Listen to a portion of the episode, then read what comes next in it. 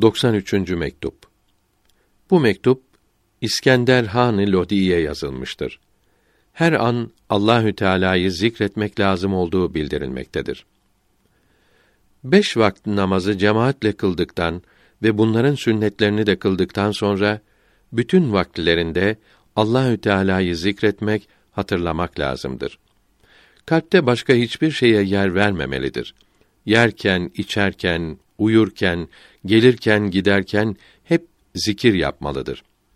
Zikrin nasıl yapılacağını öğrenmiş idiniz. Öğrendiğiniz gibi yapınız. Zikir yapmakta gevşeklik duyarsanız, kalbinizin niçin dağıldığını araştırınız. Bundan sonra kalbi toparlamaya çalışınız. Boyun bükerek ve ağlayarak kalpteki karartının gitmesi için Allahü Teala'ya yalvarınız. Şeyhi yani zikretmesini size öğreten kimseyi araya koyunuz. Her güçlüğü, her sıkıntıyı gideren ancak Allahü Teala'dır. Bir kefendir akibet, sermayeyi bey ve fakir.